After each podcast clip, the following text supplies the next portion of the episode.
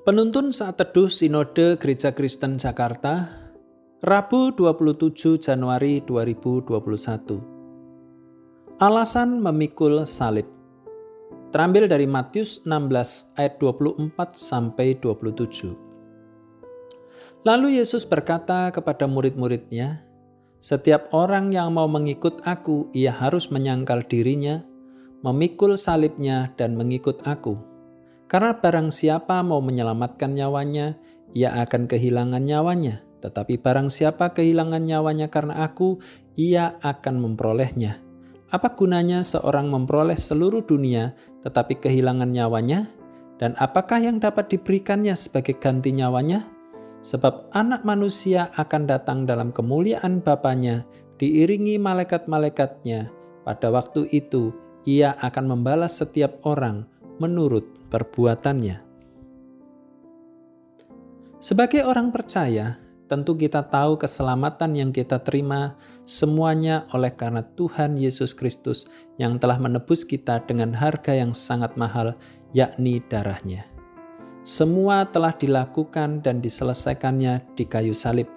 Sehubungan dengan hal tersebut, maka sebagai muridnya kita perlu sadar kita memikul salib bukan karena apa yang dilakukannya kurang, melainkan kita diberi anugerah untuk bersatu di dalamnya.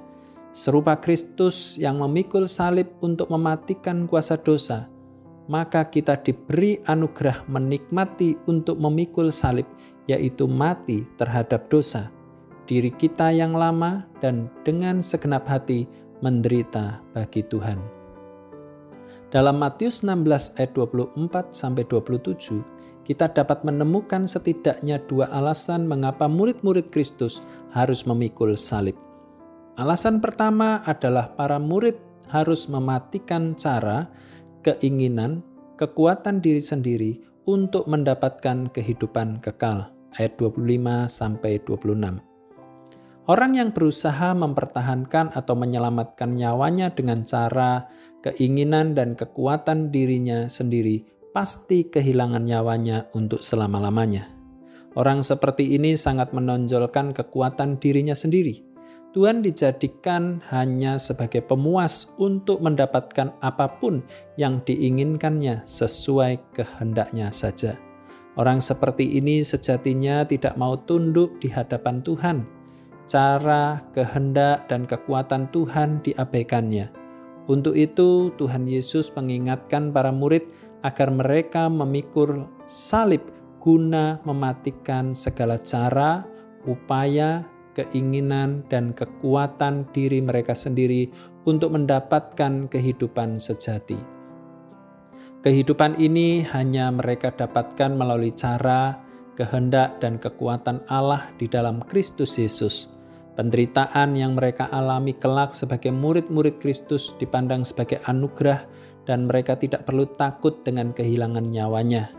Di tangan Tuhan, nyawa mereka telah dibawa ke hadirat Bapa dan diberikan hidup yang kekal. Alasan kedua adalah berkat kehidupan kerajaan ayat 27.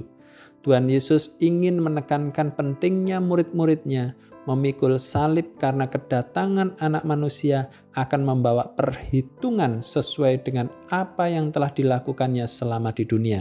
Segala bentuk penderitaan para murid yang dipikul demi kemuliaan Allah diperhitungkan oleh Kristus. Kemuliaan dan upah kekal dari Allah telah disediakan bagi mereka di dalam kerajaannya. Melalui perenungan hari ini, kita mengetahui dua alasan memikul salib. Melalui alasan pertama, kita diingatkan untuk tunduk pada cara, kehendak, kekuatan Allah dalam memberikan kita kehidupan kekal, yaitu melalui karya salib Kristus. Di dalam Kristus, kita sebagai muridnya dikuatkan untuk menanggung segala bentuk penderitaan demi memberitakan Injil Kerajaan Allah, meski harus kehilangan nyawa sekalipun kita meyakini bahwa hidup kekal telah disediakan Tuhan bagi kita. Alasan kedua, kita diingatkan bahwa segala jerih lelah, bentuk penderitaan yang kita alami saat ini diperhitungkan oleh Tuhan. Kita telah disediakan kemuliaan, upah dari Allah di dalam kerajaannya yang kekal.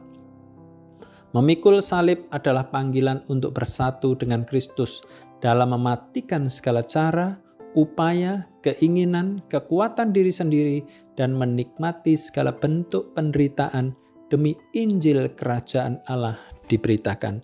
Tuhan Yesus memberkati.